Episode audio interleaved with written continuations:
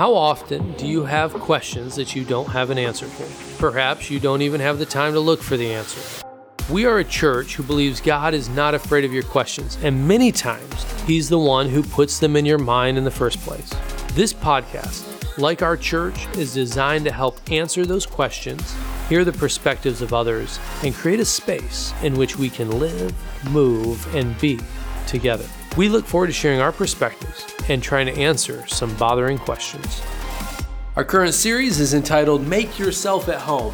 And the question that we are answering together is Does Jesus feel at home in your life, or is he simply a guest? Welcome to podcast number one of this series.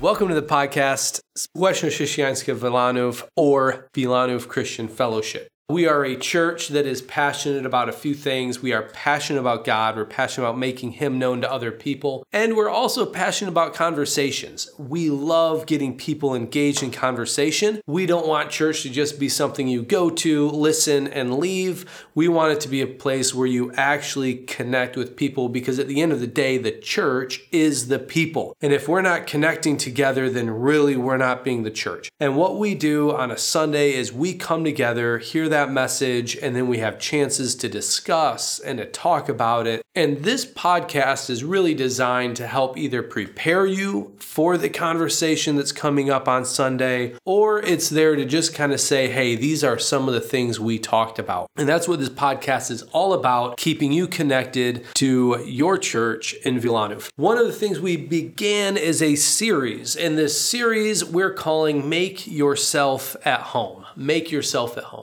When you think about your home, you can imagine what it looks like. You can imagine it from the outside. You can open up the door and you walk into your hallway and you know where the bedrooms are, you know where the bathroom is, living room, kitchen. You might have an attic in your home, you might have a garage, you have all of these different rooms in your home. And the truth is, each room kind of reflects a piece of who you are. It shows us your values, it shows the things that you care about, the priorities that you have in your lives. And one of the most fun things to do is to go over to somebody's house. When somebody invites you over and for the first time you walk into their home. Now, there's things that you do as a guest, there's things that you do as an owner. If you've been around somebody for maybe years, you've traveled with them, when you go into their home, you're going to treat things a little bit differently than you would if you've never been into somebody's home before because your relationship is different. The things that you can do is different. And so, really, when you come into somebody's home here in Poland for the first time, when I get invited over, the first thing that I'm going to do, take off my shoes. That is the cultural thing to do. In America, it's a little bit different you don't have to do that in America. And in fact, as an American, for me, sometimes it's a little bit weird to take off my shoes because I feel like I'm about ready to have conversations with men in my socks. And to be honest with you, that's weird for me. Uh, but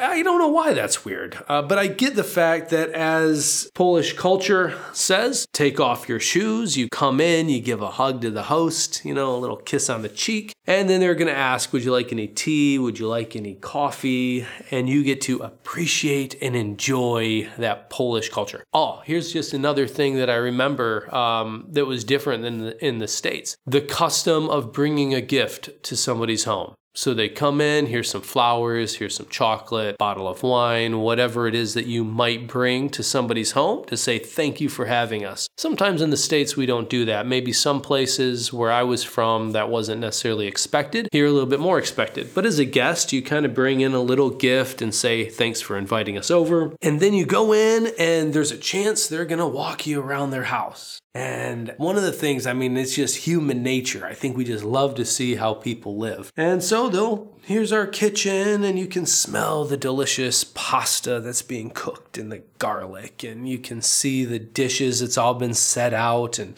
you walk over to the living room and there's the TV and the couches and you make these comments. Oh, wow, I just, I love your couches. These are so great. Oh my goodness. Do these pull out into a bed or are these just, oh, I just love them. We've been looking for couches. And you begin to have a conversation over the furniture. And then they take you into the bathroom. You open up the bathroom door and they say, Ah, oh, here's our guest bathroom. And you're like, Oh, I just love this wallpaper. Where'd you get this wallpaper? We've been thinking about doing wallpaper in our bathroom. We've just had paint, blah, blah, blah. You talk about what you're seeing, right? Walk into the children's room. They've got all the toys, all so nicely organized, beautiful boxes, all these little wooden toys. And you're like, This is so Montessori. I love Montessori toys. Oh my goodness, you guys just got it all. Together, just wonderful. And then they walk you over to down the hallway and oh, and this is where it always gets slightly awkward for me personally. Maybe not so much for you, but for me personally, they walk you into um down the hallway. Oh, and this is our bedroom.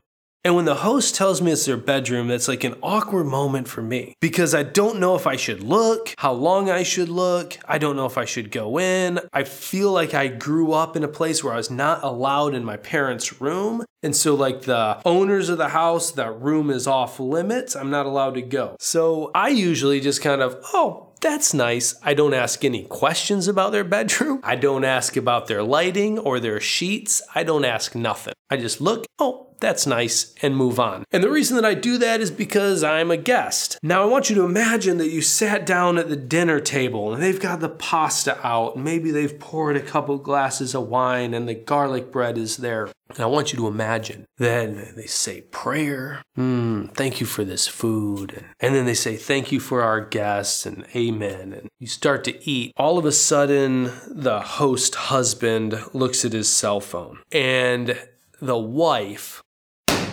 slams her hand on the table, says, Are you crazy? We have guests and you're looking at your cell phone? You do that every single meal, and every single meal I tell you to put that away before you come to the table. And he says, Babe, it's work. I have to do it. Now, I imagine as a guest just sitting there and you feel this awkward moment and you think, Ooh. And all of a sudden there's this argument. And now imagine that she says, Come on into the bedroom. We need to talk. And so they walk off into their bedroom, door shuts, you're sitting there, spaghetti's getting cold, you don't know if you should grab the garlic bread or not, and you just hear these whispered arguments happening in the bedroom. They open up the door, they come back in. Obviously, there's a coldness in the room, and they try to start light talk. That's an awkward moment. It's awkward because as a guest, you can't really speak into anything, you're just listening. Maybe if it's a closer friend, you could be like, oh, don't worry about it. You know, it's no big deal. I, maybe you could speak into it. But even in those moments, five years down the road, if they had this kind of an argument or a fight, you'd still be kind of distant. It's not like you'd walk into their bedroom and say, hey, you know, I've actually got experience with arguments and I'm a counselor and I've counseled different couples. Why don't I just come in and we can talk? Typically, you're not going to do that in their room. And it just makes me think the reason is you're a guest in somebody's home. And the difference between being a guest and being a member of the family, being a homeowner, the person who's kind of building that home, just kind of being that person who's actually not a guest, but they just feel comfortable in a home, is that that person gets to speak into things. They get to speak into the craziness of the kids. They might get to speak into the marriage and guide. Um, but a guest doesn't have that opportunity. There's certain rooms, there's certain topics that are kind of off limits. And I say that because the question that I have for you is in your family, when you think about your home, would you say that Jesus is a member of that home? Is he a home builder or is he simply a guest? Is Jesus a guest in your home? He's welcome to come over, and you invite him over frequently. You might even know him well. But there's places that he can go, and there's places that he can't go. He can come around the kitchen table. When you pray and you have a meal together as a family, Jesus is welcome. He can come into the living room. He can sit down. He can watch TV with you. Uh, maybe not all the shows, but most of them he can watch. And you feel comfortable with that uh, you feel comfortable with Jesus being in the kitchen and hospitality and bringing people in. But maybe there's places in your home that you haven't allowed Jesus to yet come into. I think about the marriage bedroom. Does Jesus have the right to speak into your sexual relationship? Does Jesus have the right to speak into the way that you argue and deal with conflict as a marriage? What about the children? Does Jesus have the right to determine their futures? Does he have the right to tell you how to parent, how to lead? Are we living our lives where we're doing what we want and Jesus is just a guest who's welcome to come, but really when it comes to running our families, running our homes, he kind of gets to keep his opinions to himself, sit quietly, and we go to him when we need him, when we want to talk about something. Uh, this is kind of the question that we've proposed in this series make yourself at home. Because I feel like many times Jesus is not welcome to truly make himself at home in our own homes. I think about the different rooms in your home. Think about your office. Some of you have an office.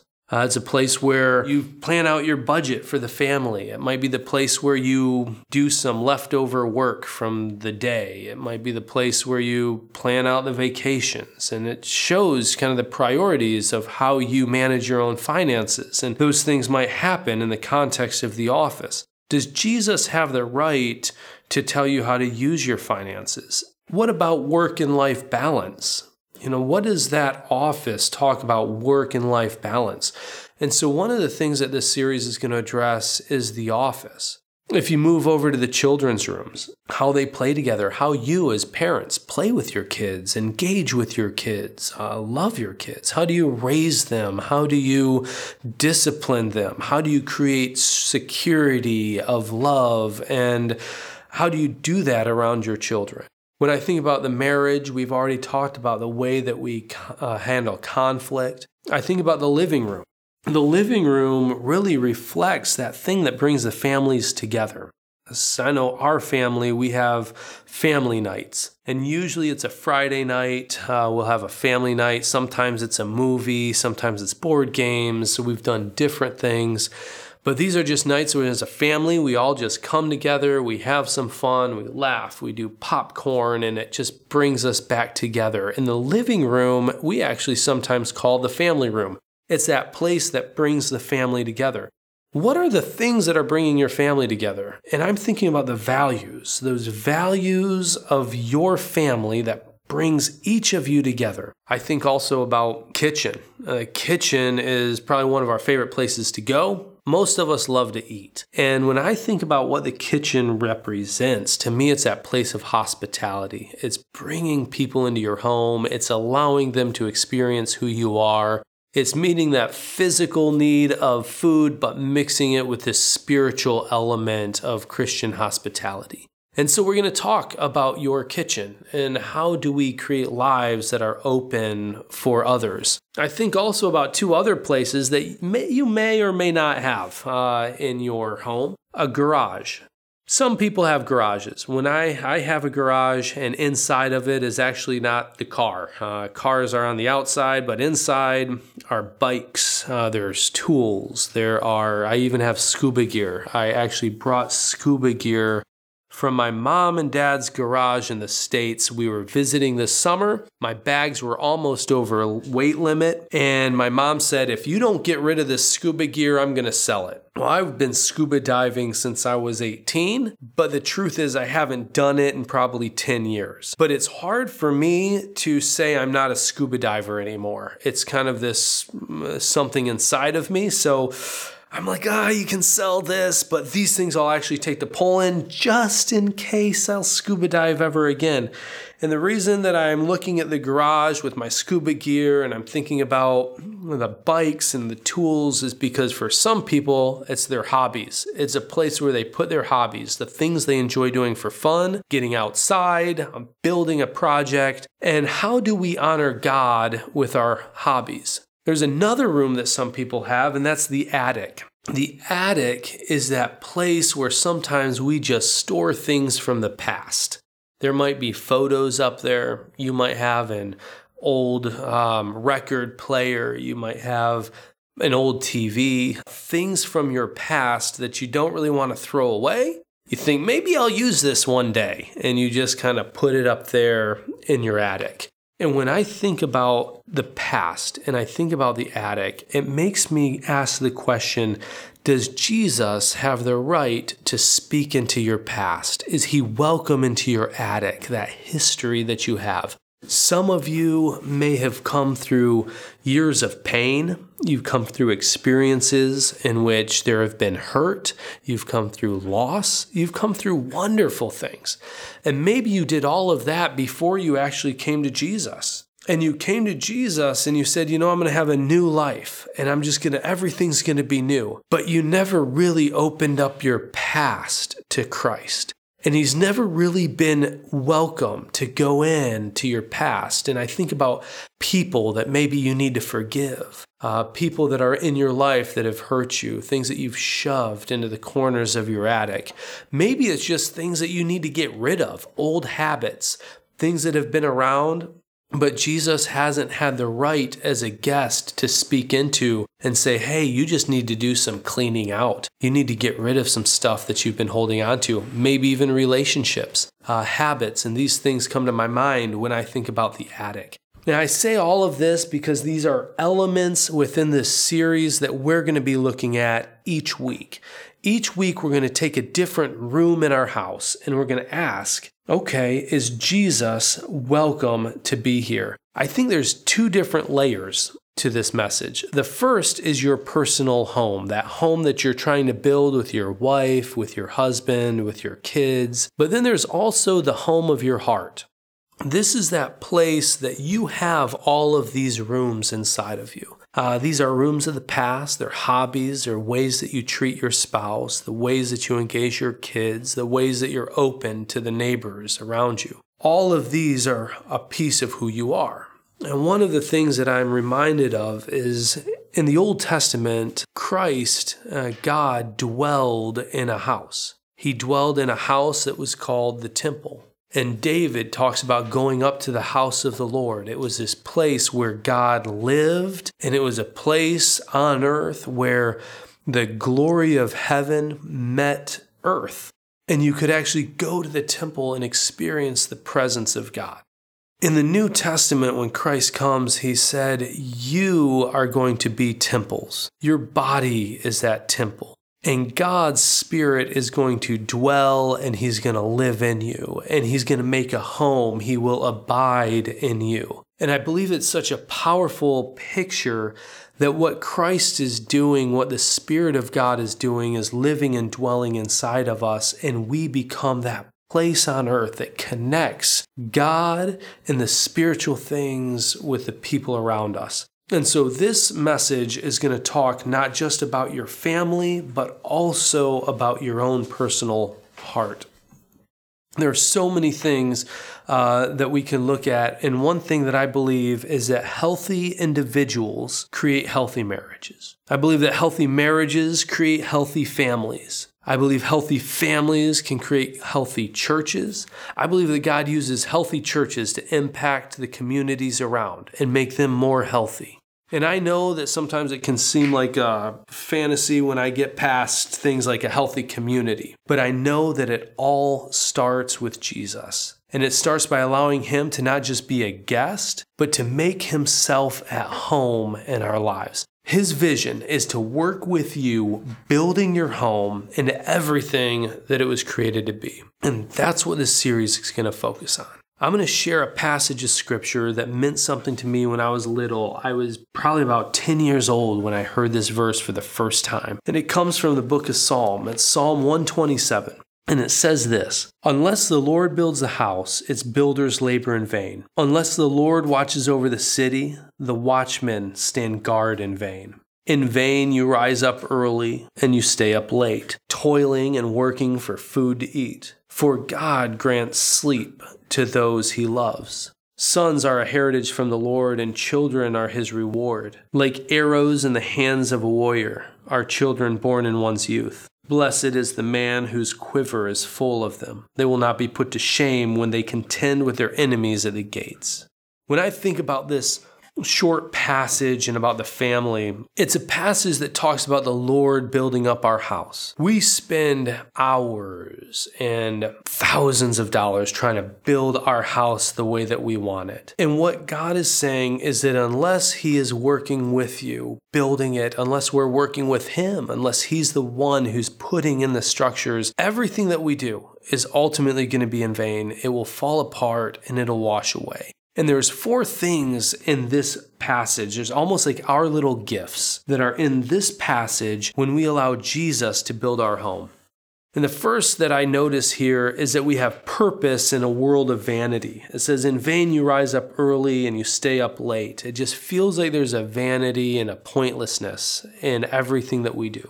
And what Christ and what God is promising is that when He builds our home, there's a purpose behind our lives, there's a purpose behind our family, there's something bigger than us. Another thing that I read in here is that there's rest and peace in a world of chaos. This verse here that says, For he grants sleep to those he loves. I think most families are exhausted. Most of us are tired. We've got kids. Um, my wife and I have four. You have children, and it gets tiring. And we work long days, we work long hours, and we're living in a fast city. And it feels like by the time we get home, there's just so much to do. And so we're going to bed late, we're getting up early, and we're feeling exhausted. When I read this passage, it says, you know, God is the one who grants peace and rest to those that he loves. Another thing that I read in here, it says, that children are a reward and a heritage from Him. I think that children and the life and the beauty that they bring is just one of the most beautiful things that we experience in this world of darkness. And sometimes we don't look at our children as a gift or as a blessing. Sometimes we can look at them as a challenge, keeping us from the life that we envision for ourselves. Uh, we feel like we're trapped at home. We feel like we're stuck being a parent. And really, at the end of the day, what God is saying is they are a blessing and a gift that you get to enjoy and to love. Children become that thing that those people that really purify and create you into the person that God has for you.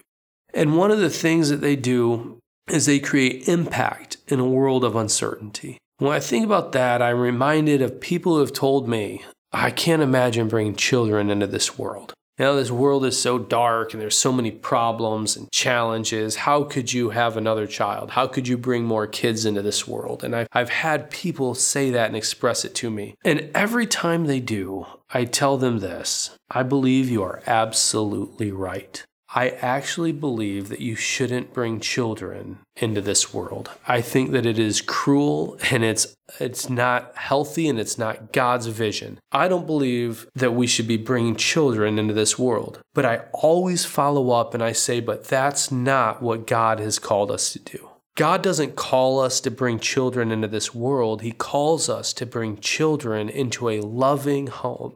He calls us to bring our kids into a marriage, into a relationship, and into a family that will care for them, that will protect them, that will raise them to be the people that God has called them to be. He's called us as parents to have these children and to raise them up over the course of years, understanding the world, understanding the biblical principles, and then, like arrows in the hands of a warrior, when they are at an age in which they can be placed into that bow and they can be drawn back and they can be released into this world. They get released into the places of darkness where they make a difference, where they change things, where they attack the enemies, and where as parents, we aren't ashamed of our children, but we stand proud, knowing that God has raised and created a family that can change the world around them. And I believe that's the calling that we have as parents. And the question is how do we create a home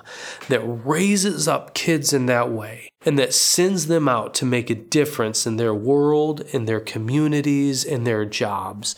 And that's what this series is going to focus on. So, what I'm going to do is close because we're going to be going through this series room at a time, and you're going to be able to imagine and envision the different rooms in your own home. Imagine your living room, imagine your kitchen, imagine your bedroom. Imagine the children's rooms. What do they look like? Imagine your attic and your past and your garage with its hobbies. And try to imagine what it would look like if Christ was more than a guest, but he was a family member speaking into each of these areas of your home and allowing you to build a home that brings him honor and glory and ultimately changes the world. Because that's what the Christian home is about. And that's what this series is about. Keep connected, keep listening, be a part of the discussions, come visit with us listen to the rooms, and get ready to engage in discussion. And the discussion we had this past Sunday on this topic was what room excites you the most? When you think about the different rooms in the house, the question that we discussed as a church around tables was which room excites you the most to talk about, to learn about, and why? Maybe for you, it's your past. Maybe it's the children. Maybe you're watching the kids fight and argue and you're thinking we just need more peace. Well, that's what this is about, and we're looking forward to keeping you connected. So, thank you, blessings, and until our next message, we'll be talking about the living room. God bless.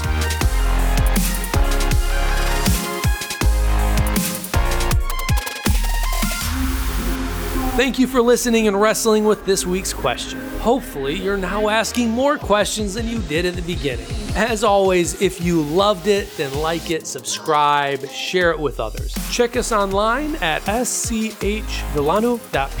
We would love to have you join us on Sunday mornings at 9:30 to go deeper with this question and to share your own perspectives. So live, move, and be, and never stop sharing your bothering questions.